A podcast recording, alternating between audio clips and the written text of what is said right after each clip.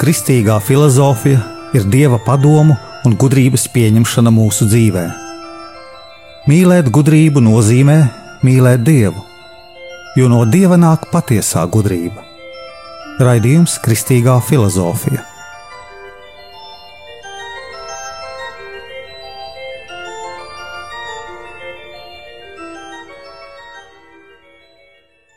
Šī dabiskā reliģija,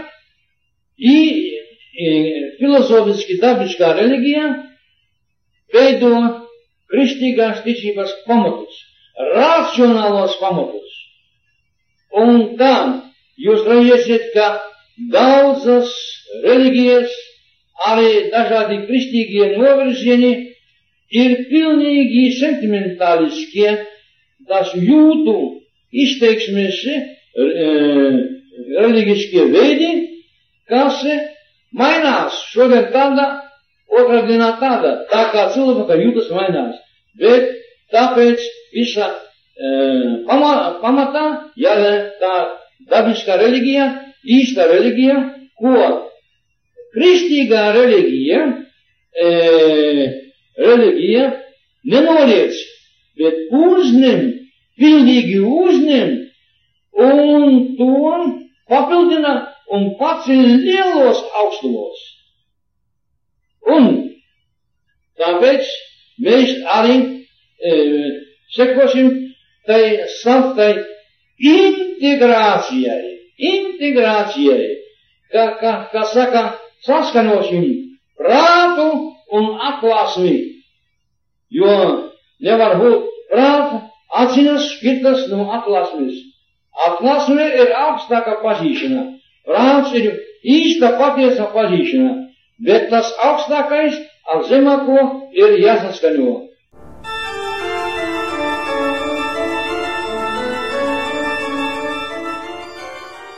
Labdien, cienījamie radio klausītāji! Es esmu Jānis Valtra Vitsenheims. Iesākumā jūs dzirdējāt latviešu filozofa jēzuītu tēva Staņislava Ladusāna teikto, un tagad es jūs vēlēšos ievest jūsu pašu dvēselē, sirds dziļumos, lai jūs saprastu savas garīgās dzīves pamatu un savu spēku savā brīvajā gribā, lai jūs saprastu, ka jums pretī ir jauks, stiprs ceļš, kur vienmēr stāvēs Dievs līdzās.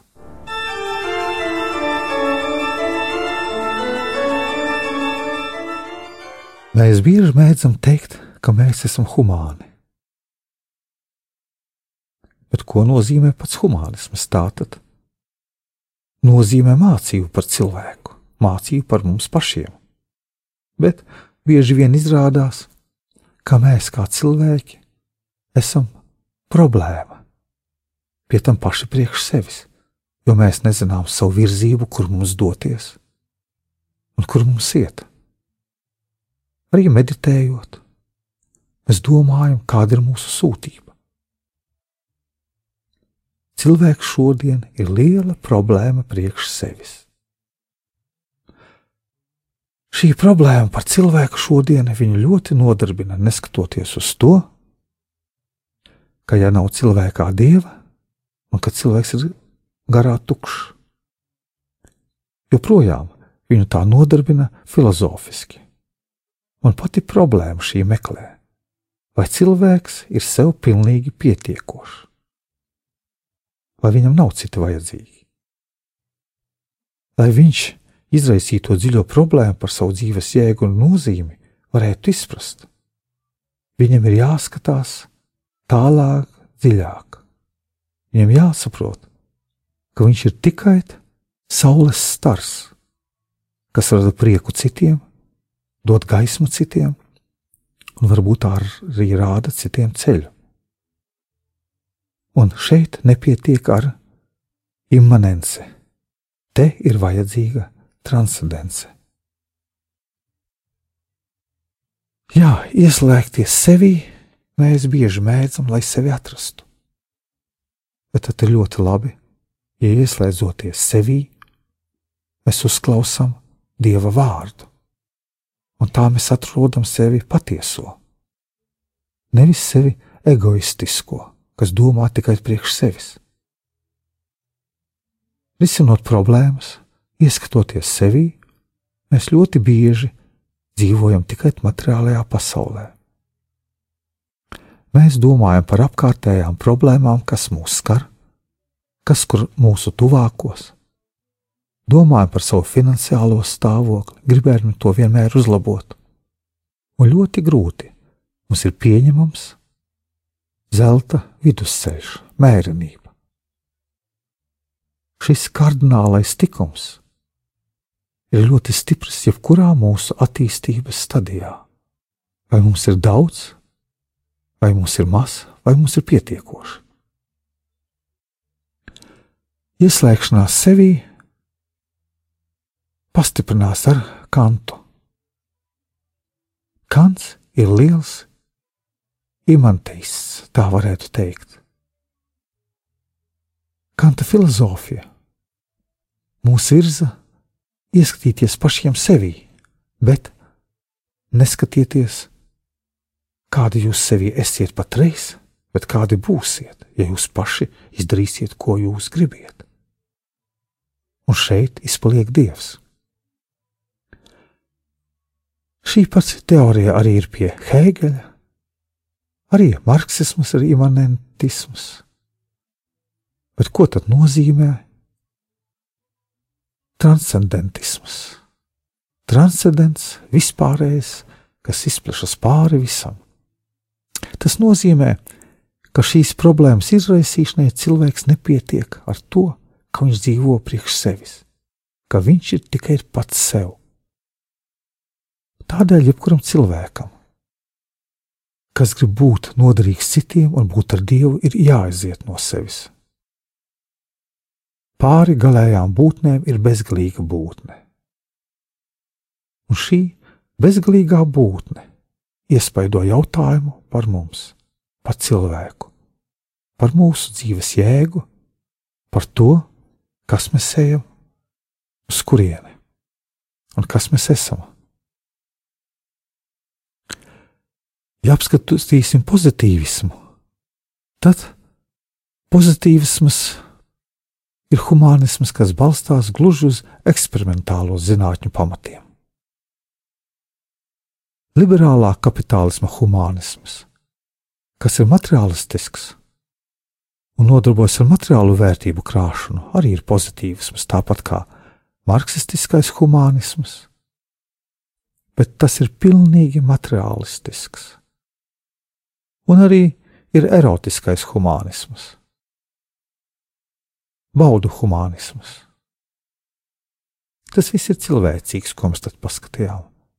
Tās visas ir tā kā pozitīvas lietas, bet tās visas ieslēdzas cilvēkā un neļauj viņam iet pie dieva.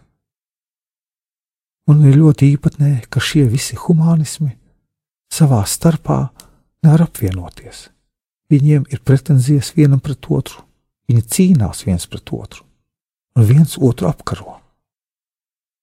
Un visi kopā ir pretstatā draugts plākšņainajam humānismam, kas apskata visu cilvēku ar miesu, garu, dvēseli un viņa esmi. Un šī problēma par cilvēku, tātad par humānismu, ir ļoti svarīga, un es pat teiktu, ļoti asa. Asa tādēļ, ka tas uzreiz cilvēku nošķir no dieva vai saist ar dievu. thank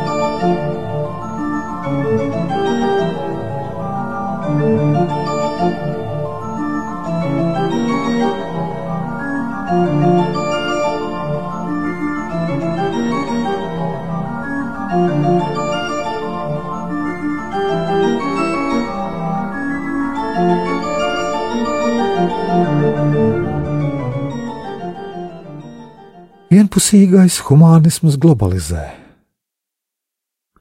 Vienīgā būtne, kas var būt un ir reliģioza, ir cilvēks. Jo cilvēks ir apdāvināts ar prātu un brīvo gribu. Mēs jau esam runājuši par brīvās gribas dāvanu. Tā ir tik unikāla, kas padara mūs augstākus par eņģeļiem, un prāts mums dot izvērtēt, kas labs, kas ļauns, un virzīties tajā virzienā, kur mēs vēlamies ar savu brīvo gribu. Dievs mums neko neuzspiež. Viņš mūs mīl, ļauj izvēlēties. Un arī katoļu baznīcas katekismas uzsver, ka cilvēks pēc savas dabas un sakarā ar savu paaicinājumu ir reliģios. Tātad mūsu daba ir mēģināt atgriezties pie Dieva ar vien tuvāk, ar vien ciešāk viņu saprotot ar savu prātu un savu brīvo gribu. Un tuvojoties Dievam, mēs pamazām sākam atrisināt šo problēmu par cilvēku. Kāda tad ir šī problēma? Problēma ir saprast, kas tad ir cilvēks. Cilvēks ir radība, kas ir reliģijos. Ir daudz radību, bet citas radības uz zemes netiecas atgriezties pie dieva. Lai šo svarīgo antropoloģisko problēmu mēs varētu izskatīt, mums jāieskatās dziļi antropoloģijā.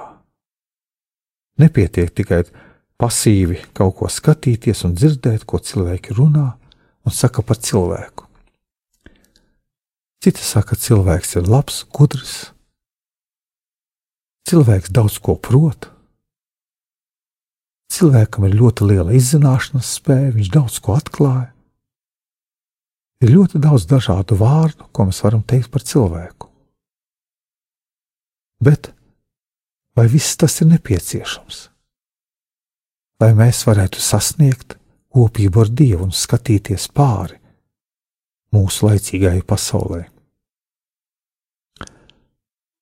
Ir jābūt intelektuāli aktīviem un jātīsta dziļu personīgo domāšanu. Tiešā sakrā ar realitāti.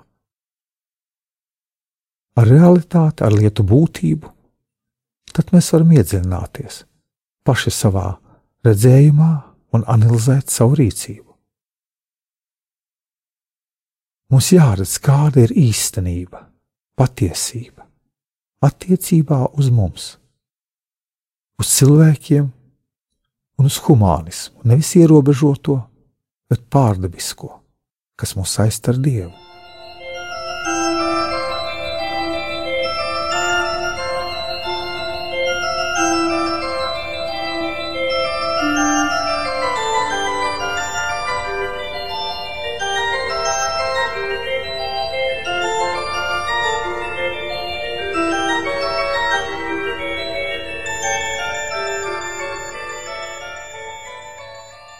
Bieži mēs vaicājam, ko nozīmē īstenība.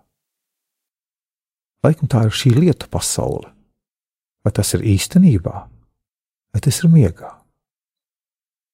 Īstenība ir patiesības kritērijs. Patiesība nozīmē cilvēku domu saskaņu ar to, kas ir. Daudzas filozofijas balstās uz to, ko saka cilvēks. Cilvēks saka, ka tas ir labi un tas ir slikti. Un tad mēs domājam, kāpēc tas ir labi un kāpēc tas ir slikti. Bet patiesība nozīmē cilvēku domu saskaņu ar to, kas ir, bet ne ar to, ko cilvēks saka. Mēs sakam no savas uztveres, cik dziļi mēs izprotam šo pasauli. Protams, mēs bieži vien sakām arī nepatiesību.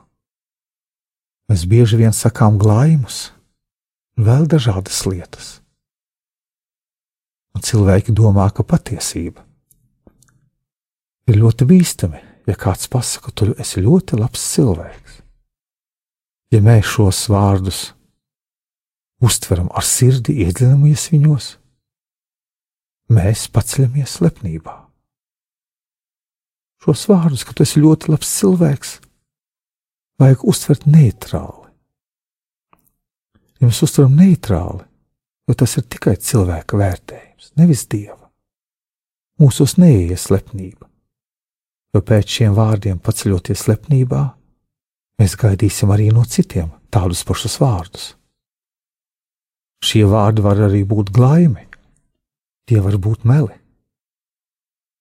Un tad mēs ļoti tālu atrausimies no realitātes un dzīvosim ilūziju pasaulē, lepnības pasaulē, kas nav saistīta ar Dievu. Filozofija nozīmē zināt to, kāda ir šo pasaulīgo attiecīgo lietu patiesība. Un ko par to saka realitāte, pašas lietas? Kultivēt filozofiju nozīmē saistīties ar šo realitāti, būt šajā realitātē, izprast viņu. Vienīgā filozofiskā, īstā grāmata, varētu teikt, ir visa mūsu pasaule. Skatoties šajā pasaulē uz brīnišķīgo dabu, vai arī uz āboliem, kas krīt, mēs domājam, varbūt atklājam kaut kādus likumus dieva, kāpēc ābols pievelkas pie zemes. Skatoties uz lietu, mēs redzam, kā attauk zaļa zāle. Mēs filozofējam par šīm lietām, kas ir realitāte. Skatoties putnos, mēs mēdzam sapņot, bet šī ir realitāte, nevis sapnis. Putns lido. Skatoties uz debesīm, kuras bieži vien katru vakaru ir dažādākas. Ja mūs nenosec mākoņi un neliek skatīties pašiem sevi, tā ir ierobežotība. Tie pelēkie mākoņi, kas pārklāj mūsu debesis. Tā ir tā ierobežotība, kur cilvēks domā pats par sevi.